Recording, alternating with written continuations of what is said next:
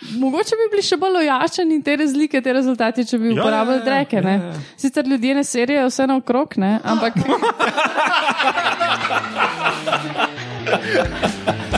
Ti pa že dolgo nisi dal kosti.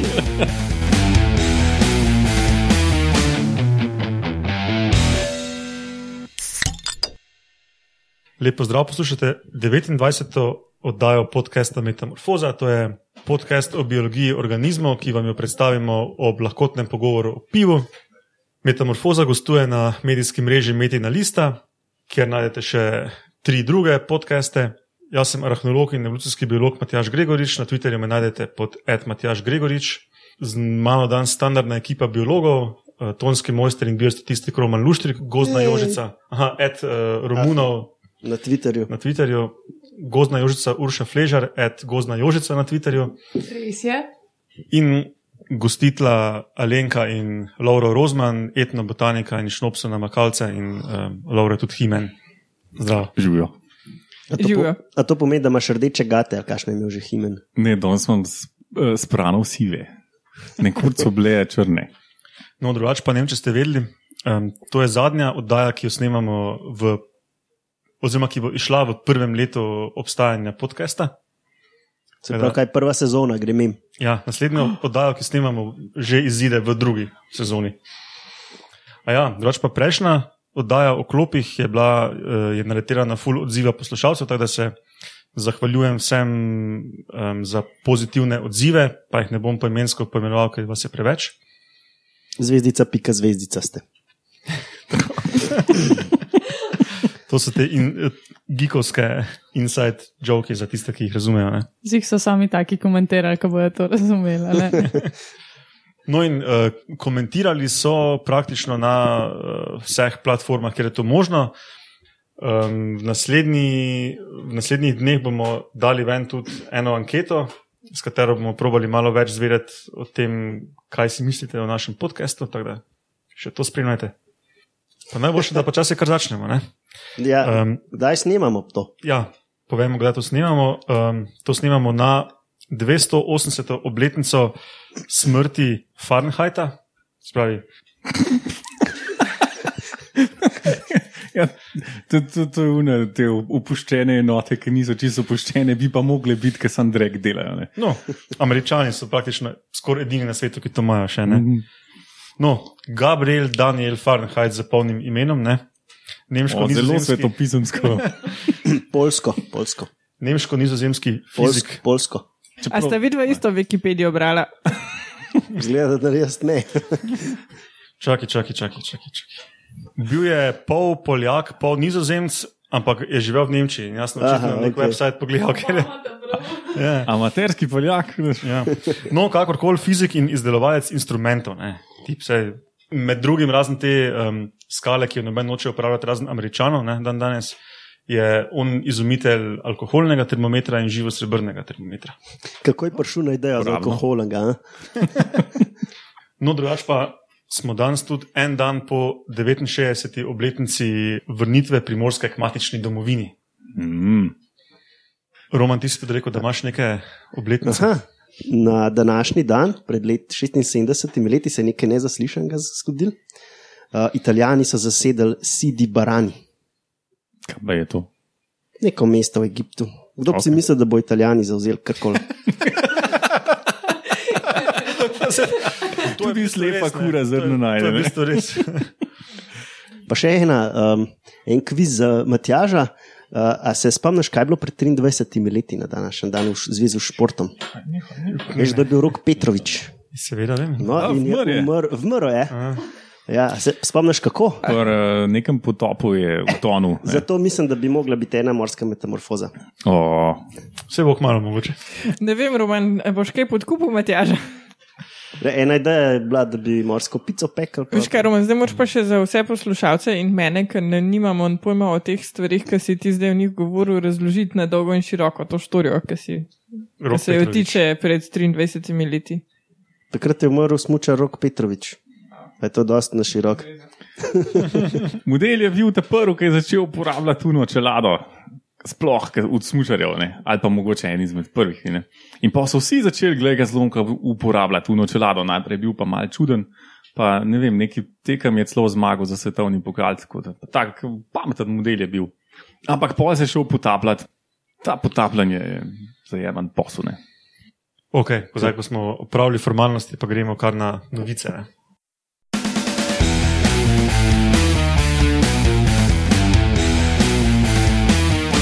Novice. Prvo novico bo razložil Lauro malo o komunikaciji med uh, starši in njihovimi jajci. Danes imamo novico o enih ščinkovcah, ščinkovcih. In sicer so pač v Avstraliji delali uh, eno raziskavo, oziroma najprej so opazovali, da se uh, starši, kadar je vroče, se pravi nad 26, uh, v tista jajca, ki so proti koncu valjenja, uh, ugaben derajo, ne, tako z nekim visokim zvokom. In potem so pač, uh, se jim je zdel to zabaven ali pa vsaj zanimiv, in so pa naredili um, eno skupino tičev, ki so jim predvajali ta zvok, ki so ga posneli, in eno, ki, niso, ki jim niso predvajali tega zvoka. Uh, in izkazalo se je, da pač tisti, ki so poslušali ta zvok, so um, tisti mladiči so bili manjši. Um, V bistvu jajcem so predvajali. Ne? Ja, ja, jajcem, seveda, vse sem rekel. Ja, Ko so bili še v jajcu, ne, so na ko, proti koncu um, une vdove, ki se pač imajo za zvalita, ne, v zadnjih, ne vem, v zadnji četrtini so pač jim pel tisti ne, tisti zvok, oziroma predvajali v tem primeru. No, in pač tistim, ki so jim jajcem, ki so to predvajali, so se zvalili. Iz tistih jajcev so se zvalili manjši unitiči, oziroma pol so bili tudi manjši, ki so bili eh, odrasli. Kar je, so pač pol sklepali, da je to fajn, ker je toplo, da pač manj toplote proizvedeš, oziroma se lažje hladiš, če si manjši. In so potem te tiči imeli uh, več mladičev, in pač načeloma so bili bolj uspešni kot tisti, ki uh, so bili večji, ki jim pač niso tega zvoka predvajali. Um, In obratno. Ne? In obratno, ja. In to so se pač tudi pol še naprej ohranili, v, eh, če so pač imeli več zaporednih serij mladičev. In pač iz tega se so sklepali, da ne vem, kaj so sklepali. pač to so pokazali. No, da, da, Ja, ne, v bistvu, da, da, če gnezdijo v full toplem vremenu, ne, kar je pač primer teh avstralskih cebrih, kot sem zdaj preveril, nad 26 stopinj, ne, potem pač starši pojejo jajcem in se izležajo manjši potomci, ki se boljše hladijo, bolj učinkovito hladijo in imajo potem več jajc v toplem vremenu. ja. V primerjavi z večjimi ptiči, ki imajo manj jajc v toplem, ampak več jajc v hladnem. Ne? Ja, in tudi gre za trade-off. ne. tudi zbirajo, um, glede na to, kako so rastli, se pravi, so majhni, so veliki, uh, zbirajo um, mesta za gnezdanje, tako da pač ve, večji zbirajo uh, Aha, mesta aha, za gnezdanje za nižjo temperaturo in obratno. No. To je bila novica. Ja, meni je ful dobro. No. Ja, mislim, meni je pač to zabavno, da, da pač neko petje pač dejansko. Um, Zvočni signali pred rojstvom samim. Ja, Ja, v bistvu. o, tako zelo odločilno vpliva na izražanje uh, genov pol kasneje. ne. ja, ja. A pa lahko sklepam, da so moja mati bili po diskotekah, preden so mene rodili. ne. No, pač ne vemo, kakšen signal imamo, pa ljudje, če ga imamo za to vrstno stvar. a ne. Razen Roman, če si ti ščinkovc.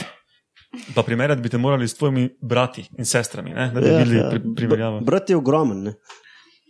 Ej, sama to je dejansko prvi članek, ki dokazuje, da neki zvočni signali od staršev, se pravi to njihovo uh, oglašanje, spremeni uh, izražanje oziroma epigenetsko deluje na, na razvoj Ja. uh, njihovih potomcev. Ja. Ja. Prvi, sploh. Mislim, da je to prvi, ki so prav eksperimentalno pokazali, da je zvočni signal sam tisti, ki pač spremeni izražanje genov pri zarodkih. Ne? Ok, se pravi, ja, ja, ja, sorry. V bistvu je full impresivna raven te, kot bi rekli, fenotipske plastičnosti. Ne? Se pravi, da, je, da so osebki variabilni v tem, kako se uh, izražajo geni, da potem privedejo no- do takšnih ali drugačnih nekih lastnosti. Ne? Glede pač na nek okoljski državljaj, Ja. v tem primeru Ja, petje mame. Se, Ja, ja, za, ja, zato recimo imaš enojajčne dvojčke, ki pač ne bi bili genetsko identični, ampak so razlike med njimi. No, ampak impresivno tukaj je to, da so pokazali neko adaptivno vrednost, ne? se pravi nekaj, kar je koristno tem potomcem potem v življenju. Se pravi, če je toplo, ne, so manjši in imajo dejansko več potomcev v toplem vremenu, in obratno, če je hladno, so večji in imajo več potomcev v hladnem, kot če bi bili manjši. Ne? Tako da, v bistvu, fulora. Kako so kaj primerjali v tem članku z temi plazivci, pa s temperaturo? Ne, nisem. Niso nobene usporednice potegnili, ne, so v bistvu. Sam je pač so drugo, ne, mislim, tam je še bolj. Ja. Kaj pač tam je, tam je pač neka um, spol odvisen pol od temperature, ne? ampak ne gre pa To nima pač čisto neko točke. Ja. Pa, no, po, po svoje sicer ima, ampak je pač direktno od abiotskega dejavnika odvisen izražanje, ne pa toliko od vem, tega, če mama poje. Vedensko, ne. Ja. Sploh kače ful pojejo. Ok, pa nadaljujemo. Roman, boš ti nekaj povedal o ljudi, ljudeh kot superplenilcih v pokrajini groze. Vahahaha. Vsi vemo, da predatorji vplivajo na tiste svoje podložnike, kako bi rekel. Uh, dolg časa so mislili, da je to vpliv, vpliv preko recimo številčnosti, zato recimo so Čigave številčnosti. uh, obojga v bistvu. Ne? Ampak v teoriji ne, naj bi plenilec, da nam govoril predator, pa tako grdo, ne, naj bi plenilec uravnaval številčnost plena. Ne? Tukaj pa te zablode o bioloških kontrolah, ne, da naj bi ti spustil ne vem, eno pika polonca in bo pojedla vse uh, Listne uši. listne uši. Ne? Ampak to je bilo že recimo v 60-ih nekako spihan, ampak to je kar nekako danes še v podzavesti. No, ampak do neke mere verjetno števil, na številčnost vplivajo plenilci. Ampak bolj pomembno je pa to, da vplivajo tudi na vedenje uh, svojega plena. Se pravi, recimo, če vzamemo volka, pa srno ali pa jelena, ne, s tem, ker jel, jelenjat ve, da je v bližini volk, se bo drugače vedla. Ne, To so recimo pokazali v Spravi, ne samo, če ga vidijo, ampak samo, da vejo, da Samo je. da ve, recimo, da sliši oglašanje, da ima von, da ima izkušnjo, uh, da je bil volk nekje blizu, um, kakorkoli pač to žival zazna.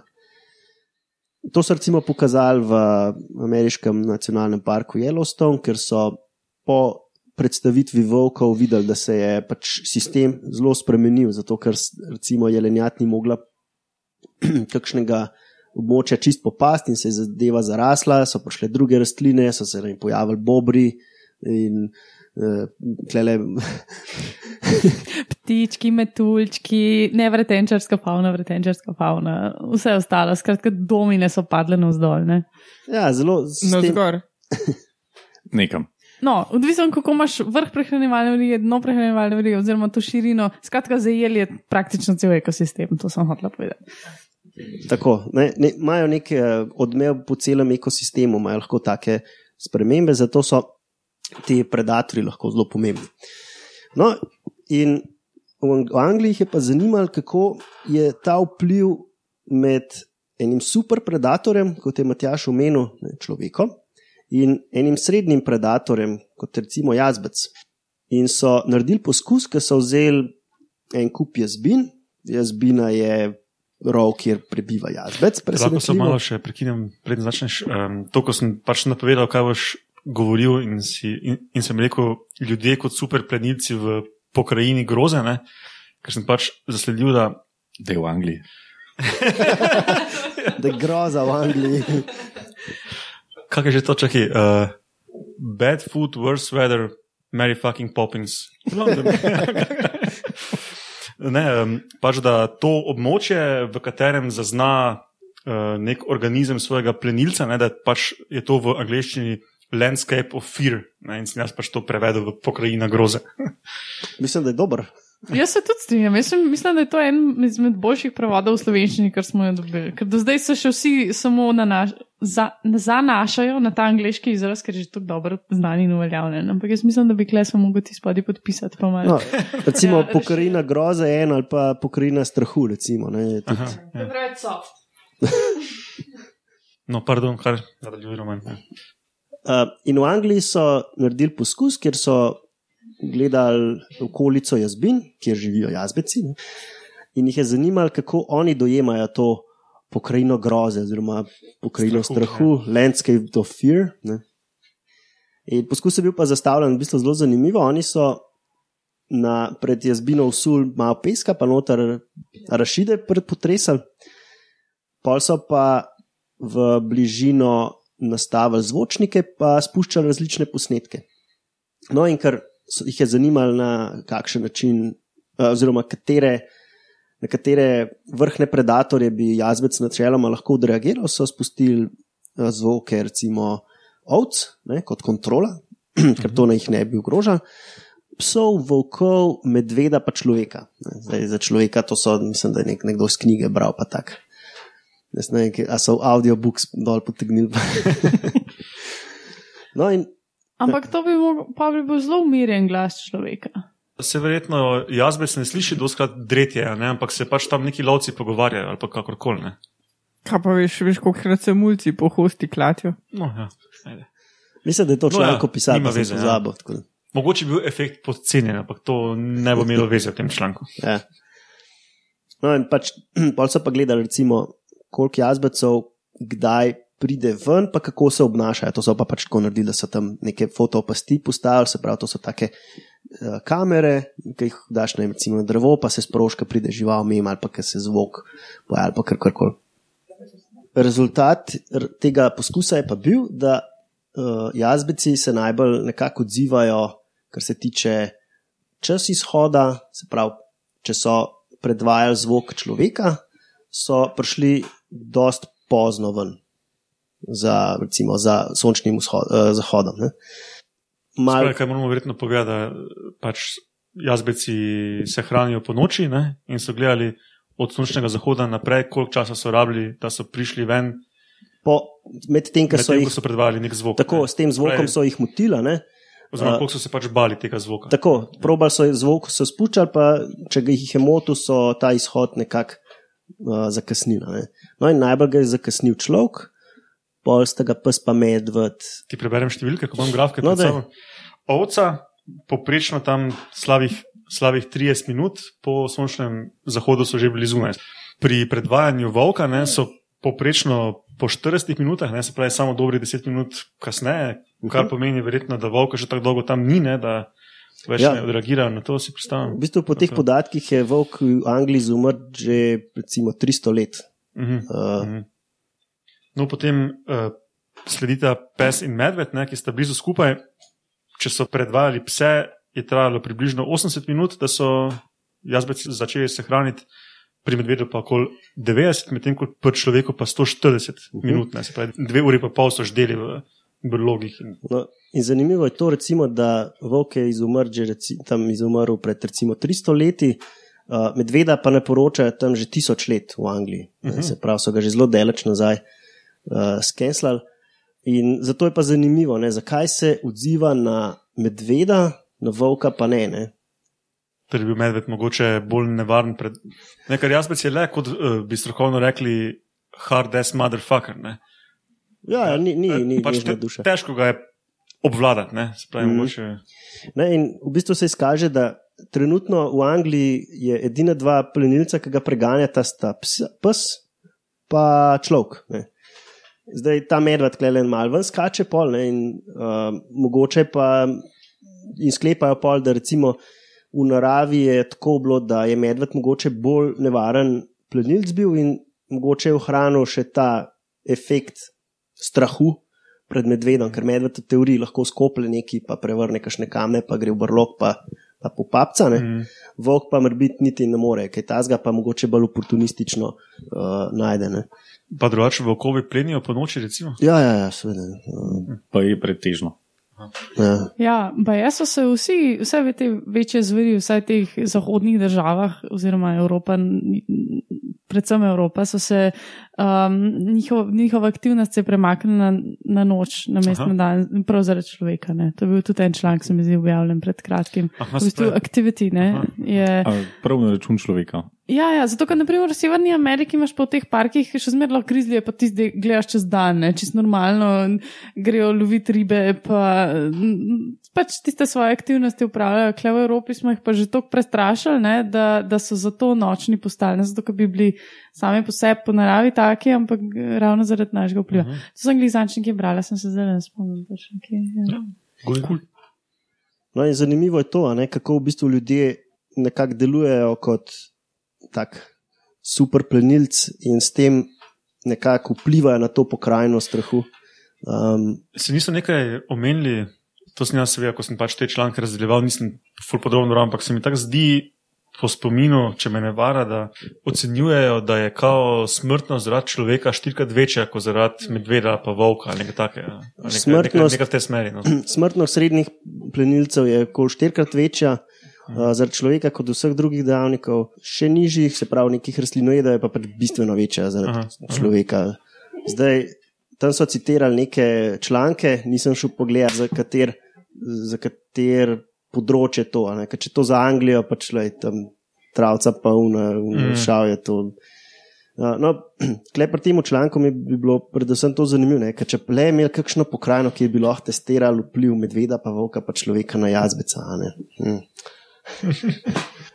Ker tam bi, to bi bilo dejansko merodajno, pol malo, ne, ker bi dejansko videli, če se jazbeci volk, volkov dejansko še bojijo. Ne, ker, To so v bistvu zdaj testirali, da je to dejansko gensko vtisnjeno, ne? um, ja, lahko, No, torej mislim, to, ni kar- nujno gensko, zato Da ker ni priučeno vedenje.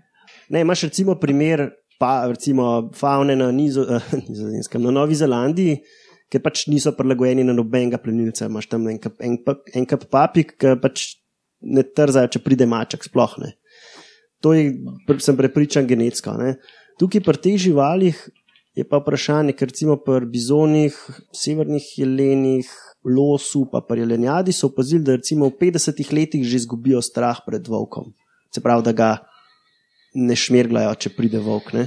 In zato, recimo, kjer se, volk na novo nasel, so tiste živali tako naivne, da jih volkovi hitro uplenijo, in takrat se pa začnejo pol hitro prilagajati in se recimo v eni generaciji že nazaj spet bojijo, in pač se vzpostavlja ta, uh, bom rekel, naraven ritem, kot je bil prej. No, to, kar To bi kliče- bilo po, priučeno vedenje. Ne?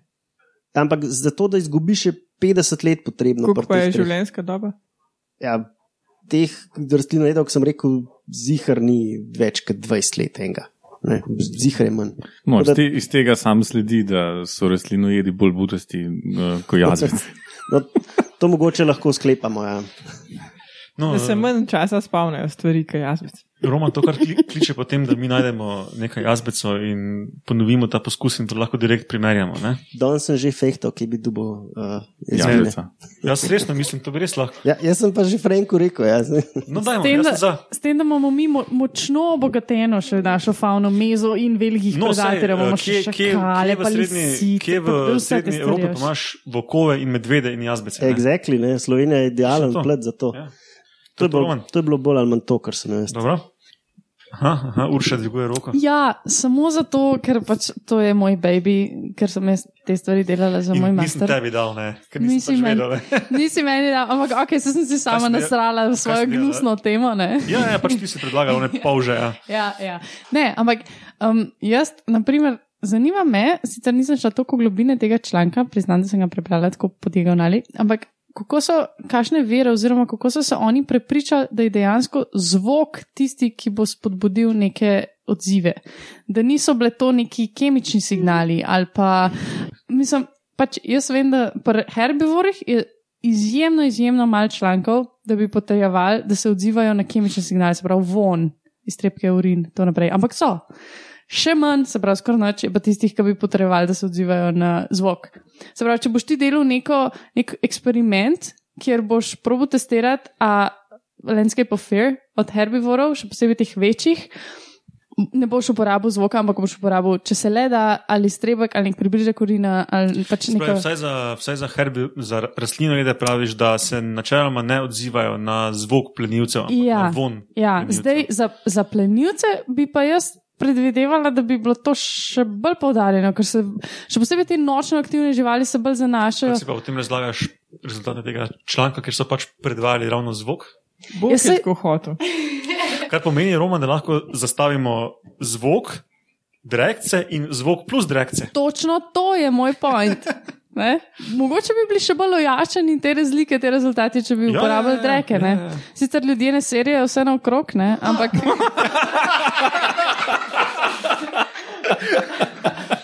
Ti pa že dolgo nisi bila v hosti. Ja, tega jaz se v članku ne spomnim, tudi zdaj, ko iščem Ctrl F po PDF-ju, nekako cent noter ni. Tako da uh, verjetno je bila to, sklepam, da je bila to predpostavka. Um, se pa verjetno dost na zvok zanašajo. ne. Ja, Sploh pač, pač von sploh ni bil spremljivka v tej študiji. ne. Samo, res pa, da imaš prav uša, da če v teh gozdovih, ko so to delali, če je človek prisoten, se človeka tudi voha, ne. medtem ko se pač, pač ne voha medveda in volka, ki jih ni, se pa spet voha psa, recimo. Ne. Mm. Ok, pol pa nadaljujemo z rastlinami kot čistilkami zraka. Ja, jaz sem pa dobila en simpatičen prispevek iz kongresa, ne? Bodoči članek. Bodoči članek. Ja, en model je šel um, z ženo v um, ta lepotilni salon in je ugotovil, da tam blazno smrdi po acetonu. In pol je sklenil um, eno raziskavo na to temo narediti. In sicer ali rastline lahko vplivajo na odstranjevanje teh um, hlapnih sub substanc iz zraka.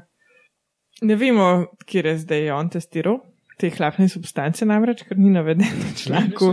Ne, mislim, mogoče bo v bodočem članku, ampak tukaj piše, uh, ne piše, Aha, veliko. to so samo napisali kao hlapne organske substance. Ja, Aha, piše, da so osem snovi testirali. No, ampak. Aha bolj pa izpostavijo diklorometan in triklorometan. ja. Ok, ja. Res ni, ni ta abstrakt preveč. Ja. No, uporabljali so pa pet um, rastlin, sobnih, ki so zelo pogoste.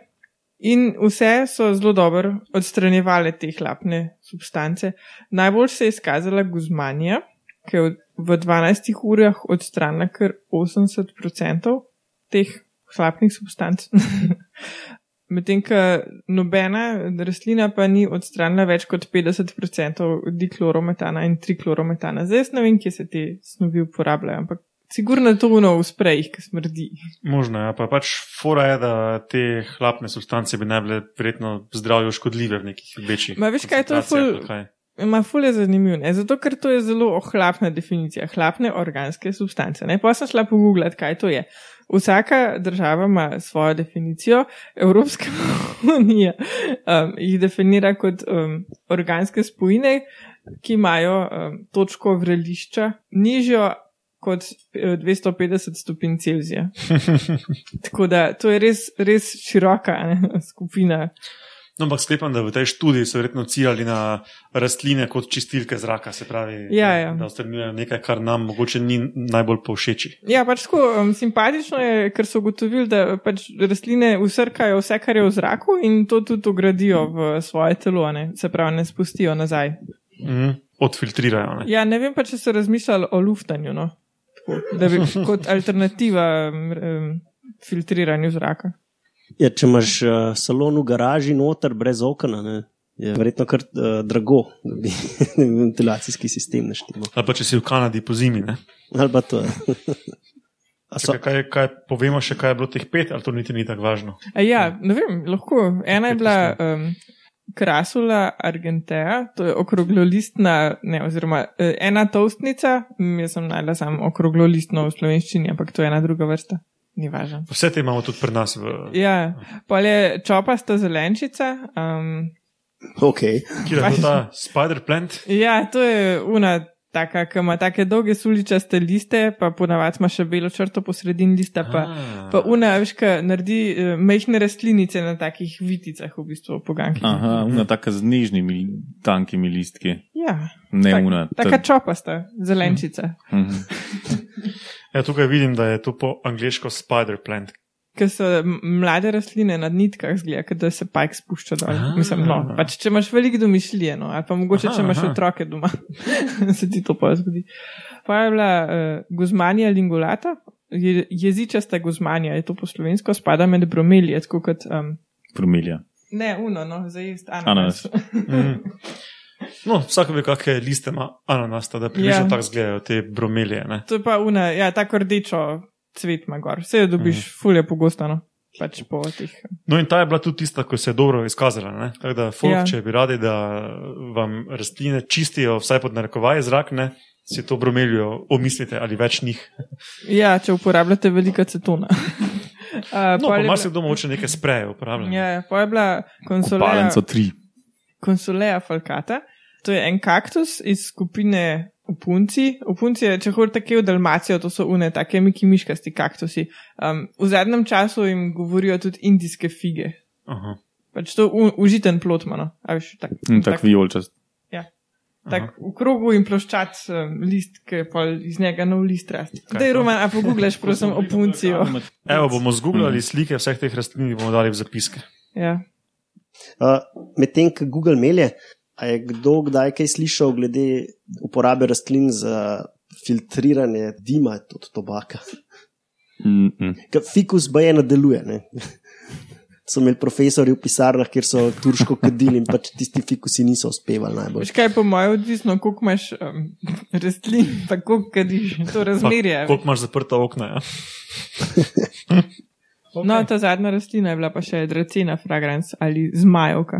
To je tudi. V bistvu je zanimivo, da so uporabljali same take rastline, ki ful malo svetlobe potrebujejo in zato imajo verjetno tudi precej nizek metabolizem. Tako da, če bi kakšno uporabljali, kar rabi več svetlobe, bi verjetno bili še boljši rezultati. In spet imamo idejo za novo študijo.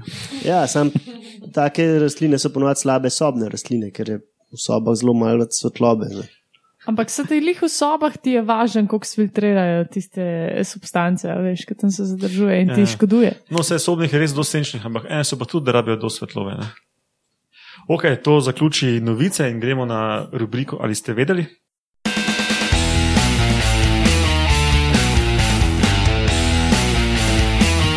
Ali ste vedeli?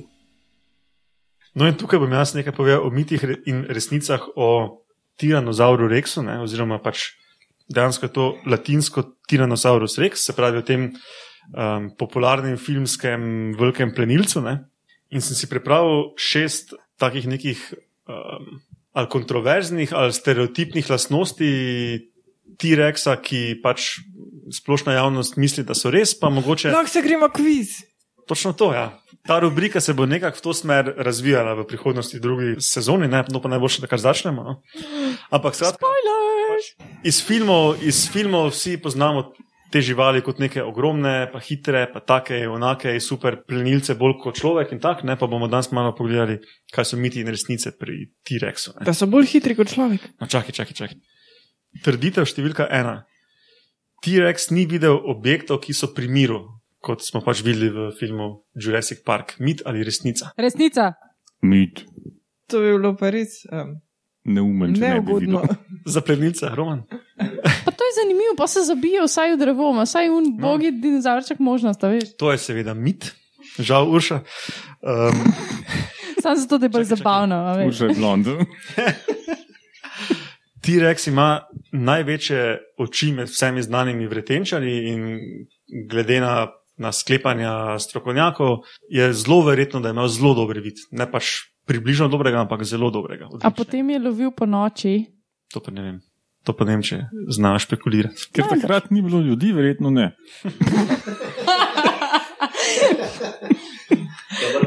No. Izjava številka dve. T-Rex je tekel s hitrostjo 50 km na uro. Kot vemo, je v Jurassic Parku lovil avto. Ne? Pa, zakaj pa ne? Resnica. Aha. Še kdo kako mnenje? Ne. Jaz se pa vzdržim glasovanja. Aha. No, znanstvene ocene so, da zgornja ocena hitrosti teka je 25 km na uro, se pravi polovično um, teh nekih fam, legend. Konzervativne ocene so pa 8 km na uro. Ej, koliko pa te O. ptiči, ki laufajo, hitro laufajo? No, kdo? noj, noj, noj, Moj laufa, kasina. Koliko pa? Za primerjavo sem zračunal, ne, sem se prav spomnil, najhitrejši sošolci na 60 metrov v osnovni šoli ali pa v srednji šoli so laufali tam blizu 8 sekund na 60 metrov. Ne. To bi bilo prevedeno v km na uro, 27 km na uro. Mačke laufajo do 48 km na uro, domače mačke. Noji laufajo 70 km na uro, kot je zelo ro- Roman zgooglal in mi pomolil svoj telefon v fris. Uh, Usain Bolt, ki je postavil svetovni rekord v Berlinu leta 2009 na 100 metrov, je med 60 in 80 metrom laufal z hitrostjo 44,64 km na uro. Se pravi, pred, re- pred tiranozauri smo varni, ker lahko hitreje laufamo. Uh, če, če, če so konzervativne ocene, res potem je naše trimčkanje približno njihov tek. Ja. A pa so bili predatori iz zasede, kot naši risi. Ker se je skril za grm. Ne, veš kaj, to potrjuje še, še tvojo hipotezo, da so bili nočni plenilci. Ne? Ali, ali pa Možno, možno. Pa noben ga ni slišal, ker se premika. V njih na ton, koliko pa je bil težek. To pa ne no, se, se lahko da Ampak je. to je bilo tone, ne? Koliko je bil sploh velik? bil velik? Ja, dolg 12 metrov, visok 4 metre. Ok, to lahko zaključiš na 5 ton plus, ne? Ne vem, koliko pa je slon. Ja, ne vem, Deset. med, po mojem je 5 ton nauč, se pravi, ni še več, a ne? Jaz bi rekel, da je slon 10. Se pravi, se ga je slišal, če se je premikal, ne? Koliko je slon? Uh, T-Rex ima okoli 7, Sedem je imel 7 ton, približno. No, viš, dobro 50. smo ocenili. Še ena zanimivost glede tega teka, ne? ko so snemali Jurassic Park, ne? so pač imeli te neke makete, ki so, ali ne makete, ali so to računalniško delali. No, se ne vem, ampak če bi, imel, prosti Matjaš, koliko pa imel dolge nogice? ne vem, Lahko ful simpatično zračunamo, koliko hitro bi mogel predstavljati nogice, da je No, šel 25. Ne? to je za moj point. Ne? Če bi, veš, ko, ko je pač v filmu lovil avto, ne? če bi šel recimo 50 na uro, ne? bi mogel ta hitro noge premikati, da ko so prvič te sekvence snemali, je izgledalo full hecno in nerealno, ker je full hitro premikal te svoje noge. Ne? Ful preveč hitro, da bi to bilo realno. No, ampak ko pa gre vse in 44, pa ni hecen, ker hitro noge premika. Eno, pri Pa dinozauru je to očitno bilo Pa hecno, ne. ima tako trikrat krajše. Verjetno so mehaniko teka falilne. No, ne, pač Gotovo. mogli so narediti, da je hitro laufal za film. Ne, se tudi v filmu je tudi videl samo premikajoče se objekte in podobno. Ne. Po mojem, to, to s hitrostjo teka lih tako narobe, kot tisti s premikajočimi objekti. Ja, se smo Ja. rekli. Oboje Ja, ni prav. Ja. Ja. Ja, ja. Pa v filmu tudi, uh, ko, je de, ko je deževalo, jih je to nekaj motilo pri vidu, pa neke take fore. Ja.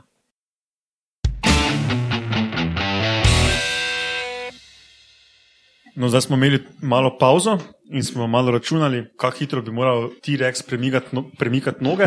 Te ta zadnje dolge noge so dolge do 3,6 metra in smo malo poračunali. In kaj smo ugotovili, da je en korak dolg, koliko roman, 2,5 metra? Okoli 2 metra pa pa. Ja. Se pravi, bi moral, če bi premaknil nogo enkrat na sekundo, bi laufal približno 7 km na uro. Hodil. Hodil, ja. Se pravi, to so te očitno te konzervativne ocene, približno trikrat več, pa potem za one manj konzervativne ocene, ne, kot smo rekli, do Ja, 25. saj ima smisel. Ampak trikrat na sekundo za tako veliko žival se ful dosti meni sliši. Ne. Roman je vmes tudi pogooglal, kako hiter slon laufa. Ne? 40. 40 km na uro. Sam, veš kaj pozabljamo, ne? Kad ti tečeš, ne narediš koraka, ampak ti se odrineš, ne? In ne narediš sam In dva je pot pol. bistveno daljša, ker se No, odrineš. drugače te ocene, so, te ocene tudi bazirajo na nekih stopinjah, ko so jih kao našli Ampak če, fosiliziranih. ne. če zdaj um, predpostavimo, da je bil bit Peter, ne glede na to, da vemo, da so bile sprednje nogice relativno kratke, in pogledamo ostale bipede, kako hodijo. In zdaj vzamemo, Ja, ja, ja, to- kako, te koliko je ocene- dolg korak bipeda ne? in koliko je pa dolgo uh, uh, korak, ko laufa biped, ki je približno enkrat daljši. a Ne? Se pravi, lahko vzameš, da če naredi trikrat tri korakce na sekundo, je potem to enkrat več, kot smo predvidevali tistih 25. Ne? Ja, so Se pravi moje tri- 50. Po mojem, tri ful preveč. Drugač pa točno to so se tudi spomnili in tudi to so delali. Bazira na stopinjah in na, na tem, kako se premikajo ptiči. Mislim, a so kakšne stopinje, ki je laufal, pa Ja, ja, ja, se ja, vidi, kako ja, ja. daleč so Ja, ja. narazen. Na podlagi tega, pa na podlagi nekih velikih ptičev so potem ocenjevali in je pač konzervativne ocene okoli 8 km na uro, zelo optimistične pa okoli 25 na uro. Ne. Okay. Jaz, kle, mi, mi zdaj pravimo, zelo se sprašujemo o metodi. Jaz pa mislim, da tukaj, oziroma vsaj tako so mene naučili, no, kar je čisto možno, da je narobe, ampak da v znanosti je veliko tega zaupanja, da, da če, če si ti raziskovalec, da ti znaš biti, da imaš tisto vseb, da znaš fair metodo razviti. Predvsem je point tukaj, a si prav ali narobe, kar se tiče interpretacije rezultatov. Se pravi, jaz sklep mislim, da metode, kako so oni to ugotovili, bi mogli biti ok. In To je pač najboljše, kar do zdaj imamo. No. Točno to. To pač to, bi to se mogli to bolj pomeni, da je pogovarjati. to končni odgovor. Ne. Ne vem, tukaj na koncu smo prišli do istega, nismo skoraj pač na podlagi trenutnih dokazov, ki jih imamo, velikosti skeletov, velikosti stopinj, uh, mogoče masi, je pač to tone. Okay. Izjava številka tri. Okay, uh, izjava številka tri, ne, Roman.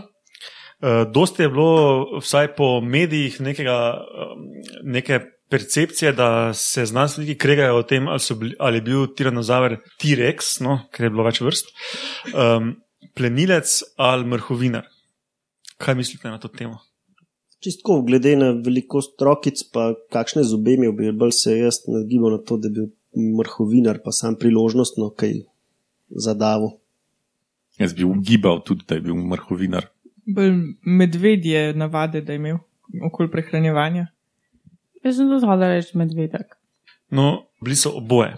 Pač na praktično vsakem velikem um, vretenčarju so našli odtise njihovih zob, tako da pač jedli so vse, kar so dobili, živo, mrtvo. Tako kamedo, torej. Tam Pač- pač, še ful rastlin poje. Ampak, ampak vse pri plenilcih je doskrat tako, da niso izključno plenilci. Ne? Dosti jih je tudi spreme neko mrtvo žival. Ne? Ja, Prej ali slej. Ja. Ja, ja, ja. Ali jo sami ubijajo, ali pa ne. No? Ja. Ja. Sem samo hotela, da, da, da na rastlinah ponavadi ne moreš najti odtisov zob. Ne? vegetarijanov sred. Izjava.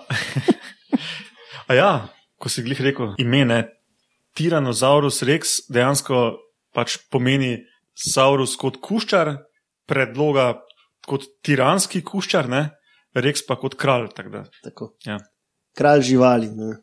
izumrli živali. Prav, Tiranski kralj kuščar. Izjava številka štiri. Tiranozauri so imeli perje. Mislim, da zato ni dokazano. Ja, Okay, Roman pravi ne, Urša pravi ja. Ne. pojma nimam. Dobro. To, to je legitimen odgovor.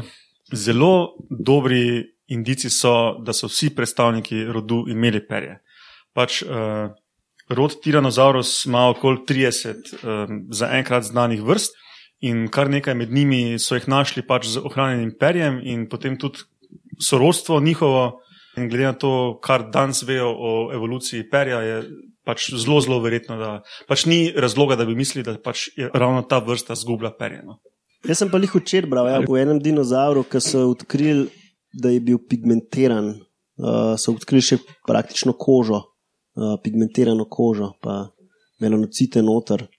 Uh, in mislim, da tudi tam ne bi bili neki pereščki po koži. In, ne vem pa, No, to tudi meni, pač pomeni perje v takšni ali drugačni obliki. Ne? Ja. Kakšna oblika je to bila, pa ne vemo. Ne? ja, verjetno ne tako, kot danes ptiči. Ali, Ja. Sigurno ne, tako kot danes Ja. ja. ptiči. Ne. Se tudi uh, perje je na začetku izgledalo bolj podobno nekemu puhu. Ne?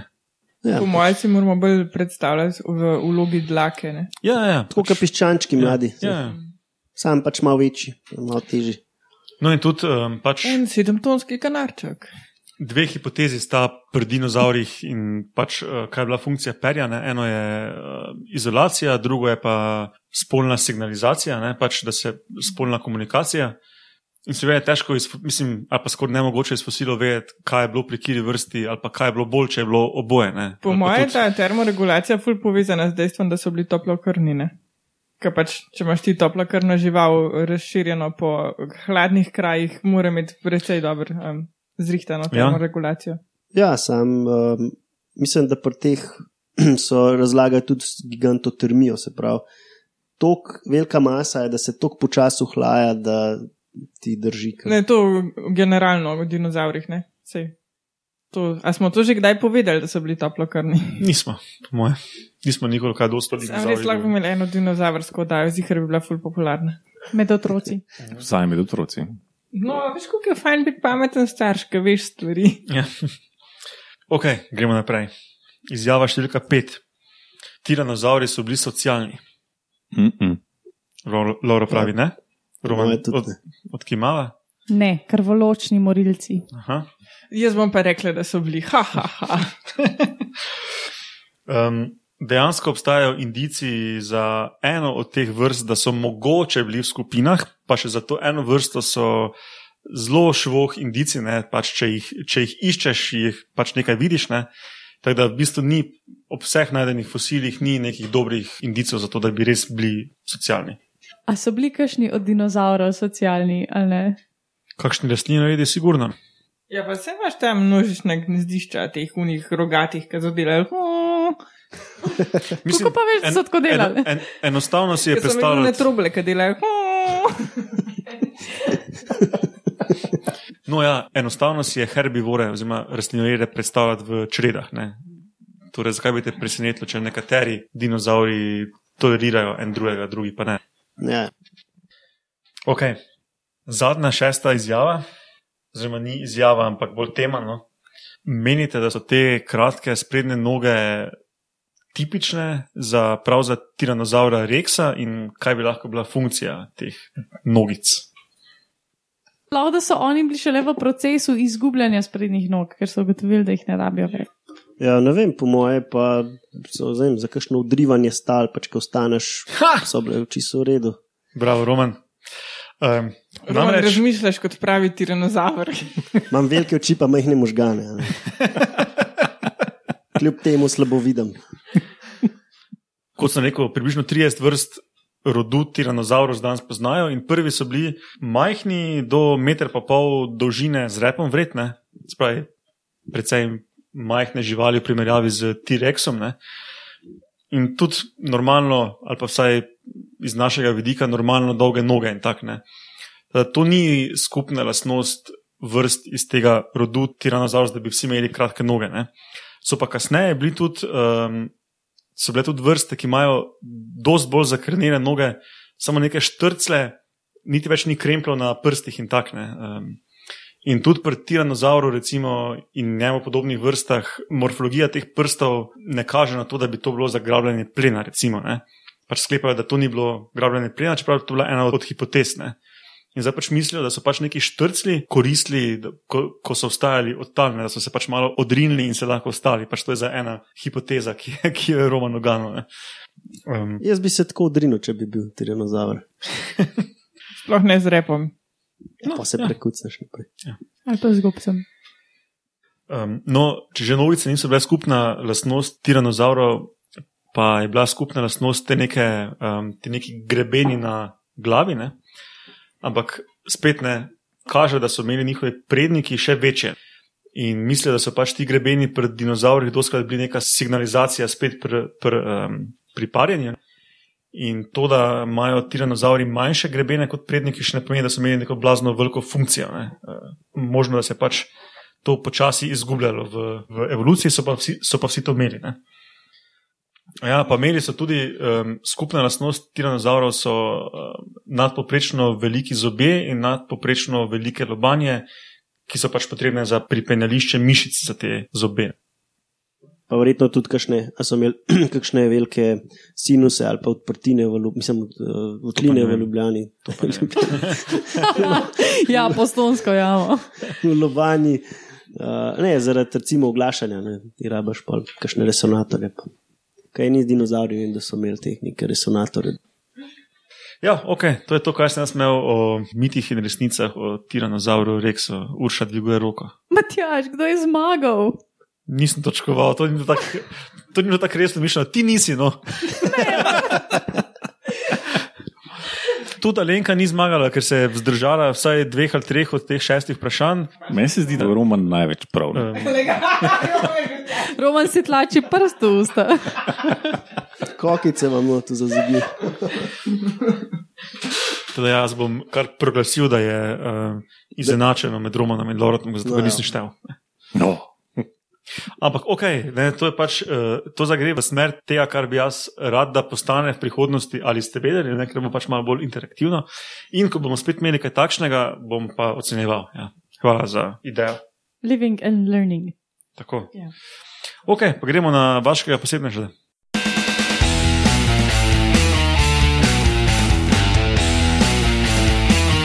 Vaški posebneži.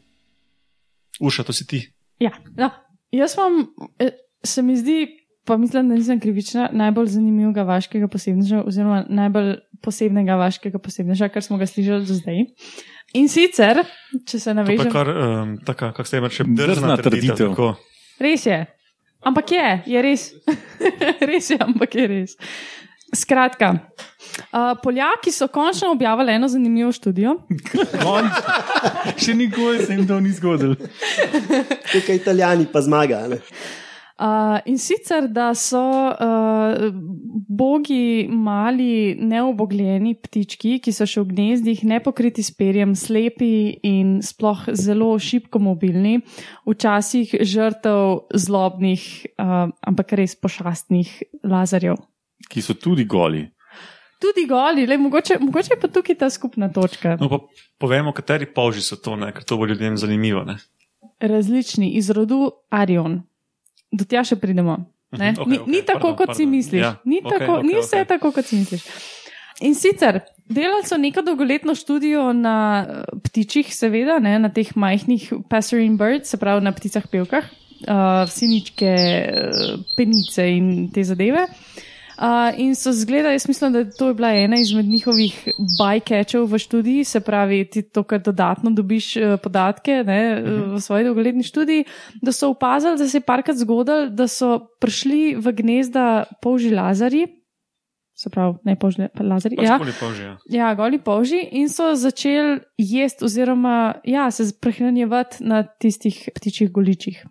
Trgali so jih svojo radulo. Točno to. Zdaj, da- tukaj na tem mestu mislim, da je. Ko bi ga šmirglo v dol. No, tukaj moramo pojasniti, kaj je radola. Zdaj, Lauro je preskočil, ampak pojmo kar tem bistvu. Polži, zakaj so polži sploh lahko to naredili? Ne? Zato, ker imajo tak ustni aparat, ki je v bistvu najbolj poenostavljeno razložen kot jezik z, z malimi, zobki na njemu, se pravi, da strgajo dol tisto, kar jejo. In oni so zelo omnivori, se pravi, jejo vse. Jejo tudi od deževnikov do rastlin, do uh, kakšnih, uh, kakšnih Kadavrov. kadavrov, tako je, Roman, hvala. Um, skratka, vse, kar jim pride pod pot, pod nogo, ne? ker so ena sama noga, vse skupaj. Ampak um, največkrat so uspeli te mladiče. Tok poškodovati, da so jih uh, hkrati tudi ubili. Če ne zaradi drugega, zaradi hladu svojega telesa, so jim povzročili uh, nepopravljivo škodo. Ampak, ja, se pravi, največkrat so te golički umrli zaradi tega. Se pravi, kako so, kako so pol to razlagali? Te raziskovalci, ki so opazovali tista gnezda, so, so samo videli, največkrat so samo videli ostanke te, tega masakra. Ne? Se pravi, prišli so pogledati tisto gnezdo, kako so ga že gledali, jaz, to, to ni bilo v članku, ampak so videli, da so ptički, golički mrtvi, da so pokriti s sluzjo in da jim manjkajo vsaj oči, večkrat pa še kaj drugega. Se pravi, naj, naj, najmehkejši in najbolj občutljivi deli njihovega telesca. Spravi so prišli s tem šmiglastim jezikom in so šmiglali in so prišli, a oči mehke. Šk, šk, šk. Ja, Kot je šmirgla, požladar. no, to, kar zapiši. Ja. Ampak v bistvu ni tako smešen, v bistvu je full grozen. Ja, sploh, ko gledaš tiste slike. Ja, slike, uh, there may be some graphic pictures. printal, Ja. ne. Ja. Evo, da si jo pogledate, bomo dali tudi v zapiske. Mogo bi dati barva s to, Ja, gledaj, črno-bel printer imam. Lej, tukaj je polš, a vidiš, tako okrog. Ja, ni da grga. Mislim, to so res neobogljeni mali ptički, ki ne morejo nič, a ne, še vidijo, ne, sploh ne vejo, zakaj, kaj, kako so tam, zakaj so tam in, in to je to. In že umrejo. Kar je pa najhujš pri tej zgodbi, je pa to, da starši niso jebali. Ne. Oni pač. Vsem jim je bilo. Enkrat je celo en očka ptiček prišel na gnezdo in inkubiral skupaj s polžom vred tiste mladičke. Pač vse jim je, vse jim je bilo. No, kar pomeni, da moče sploh ni pogruntal, ne? Seveda. Tako da pa so začeli se spraševati, kako to, da starši ne branijo pred plenilci. In v bistvu so prišli do, do glavne razlage, da se to vse dogaja tako redko, zato ker je še vse po slučaju, da en lazer naleti na neko gnezdo, ki je na tleh ali blizu tlem, seveda, ne, ne bo lazer hodil, kakšno, da enostavno to ni spodbudilo tega, v, tekom evolucije, ni spodbudilo tega odziva staršev, da bi branili svoje, mm, svoj zarod pred temi plenilci. Tako No, da, pa še drugo, ti polži so invazivni, ne? se pravi, so no, nekaj zadnjih desetletij verjetno tu. Ne? se pravi, um, oni so, zdaj ti govoriš o teh invazijskih španskih polžih, Teh, ampak teh oranžnih, ki jih imamo na vrtu. Ja. Ja, teh, ki jih je ful velik, pa po pločnikih, pa polka enega pohoda še jih pride še tri, pa polka še vne tri pohoda še jih pride še na, na, na kubik Točno ne, teh, novih. Ja. Ampak niso bili sam ti, ne? so bili različni vrste iz istega rodu, Arion, uh, ali kako se kak se Ja, reče. Arion, ja. Ja. ja. Um, ampak so pa glavni, glavna poanta tega znanstvenega prispevka je bil pa ta, da hočejo s tem v bistvu spodbuditi um, neko zavedanje med znanstveniki, uh, da bi se začeli tisti, vsaj, ki se ukvarjajo z ornitologijo oziroma spremljanjem teh ptic in, in goličev in uh, razmoževalnega uspeha in razvoja in česar koli že vse, da bi bili bolj pozorni na take dogodke. Zato, ker ravno zaradi teh invazivnih vrst, kot je ta španski lazar, bi se znalo zgoditi, da, da se to stopnjuje. Se pravi, da je vedno več teh, teh uh, dogodkov, ko pride španski lazar oziroma lazar in jih pojene oziroma zniža reproduktiv, reproduktivni uspeh um, te populacije, pač neke vrste ptiča. Ker so pa itek air strategiji, tako da, aj, je nekaj. Ne, ne, ptiči niso. No, pač, te si ničke v primerjavi z mm, orli. Orli. To je res, ja, to je res. Ampak še vsaj ne. Lahko bi bili vsaj neko vredni nekim um, vretenčarskim plenilcem, mogoče nekje v preteklosti, v prihodnosti. V kombinaciji z super plenilcem človekom ne, je to samo še pika na iki. Ne. Čeprav se mi zdi, da nas se ne bojijo neke rjave penice, pa to no. Je ne, pač z- zaradi človekovega vpliva um, Vpliva pa ja. nekatere vrste cvetijo, druge pa zginjajo. Ne. To je res. Ja. Ja. Tega se pa niso lotili. Mislim, da je bil to samo neka uh, skoraj da report, ne, se pravi poročilo o tem, kaj se dogaja, kaj so opazovali. Mm. Ja, Ja. sem pa jaz opazil pri teh lazarjih, da najdejo vsak večer nazaj do sklede z mačjo hrano. Si prav zapomnijo, kje to je in delajo kroge. Vse pustijo zelo jasno sled. Ja, ja, očitno znajo nazaj tudi najdati. No. Skratka, to je to. Kaj je žijejo te lazarje? Ne. Račke. Ja, ampak v omejenih količinah se jim zagabi počas pol. Je, da ti naši navadni heliksi jejo njihova jajca. A ja, še to je. Ne. Invazivnost teh, um, tega rodu ne, je dosti povezana s tem, da imajo menda blazno dosti jajc in potem uh, večina polžev nekako ne prenese suše, oni pa ravno zaradi te količine jajc jih vedno nekaj preživi in so za- zato dosti bolj uh, tolerantni na izsuševanje menda. In se lahko dosti bolj hitro razširjajo in različna okolja prodrejo in tako. Zoprne živali. Uh -huh. Jaz mislim, da klej skoraj da ni zmage. Jaz se spomnim babice, da jih je za soljo posipavala na vrtu. Naša jih še zdaj. Ja, ok, no. Pa, če več ni nobenih drugih komentarjev, to eh, je to sklep te 29. oddaje Metamorfoza in zadnje oddaje v prvem letu delovanja podcasta. Polži so uz- ugabni in celo poljaki, kaj pametnega naredijo. Pa lazari ne se grejo soliter. kako. Zihar dost polskih skupin tudi kaj dobrega dela. Um, ja, tako da hvala vam štirim za sodelovanje in poslušalcem za poslušanje in vsem, ki ste v prvi sezoni uh, spodbudno komentirali. Ne spodbudno, še sploh nihče ni komentiral. Ne. Um, Pripričan sem, da bomo v naslednji sezoni še boljši, tako da poslušajte nas še naprej, širite naš podcast po vaših uh, socialnih kanalih. Vam bomo zelo hvaležni, če še bo kdo zvedel o nas, ki še nas ne pozna. Ne socialnih, to je center za socialno delo, družabnih ali pa družbenih. A, kaj pa je prav? Družabne ali pa družbene? Oboje je enako. No, potem pa nas prosim širite na družabno-družbenih omrežjih in kanalih in do poslušanja naslednjič.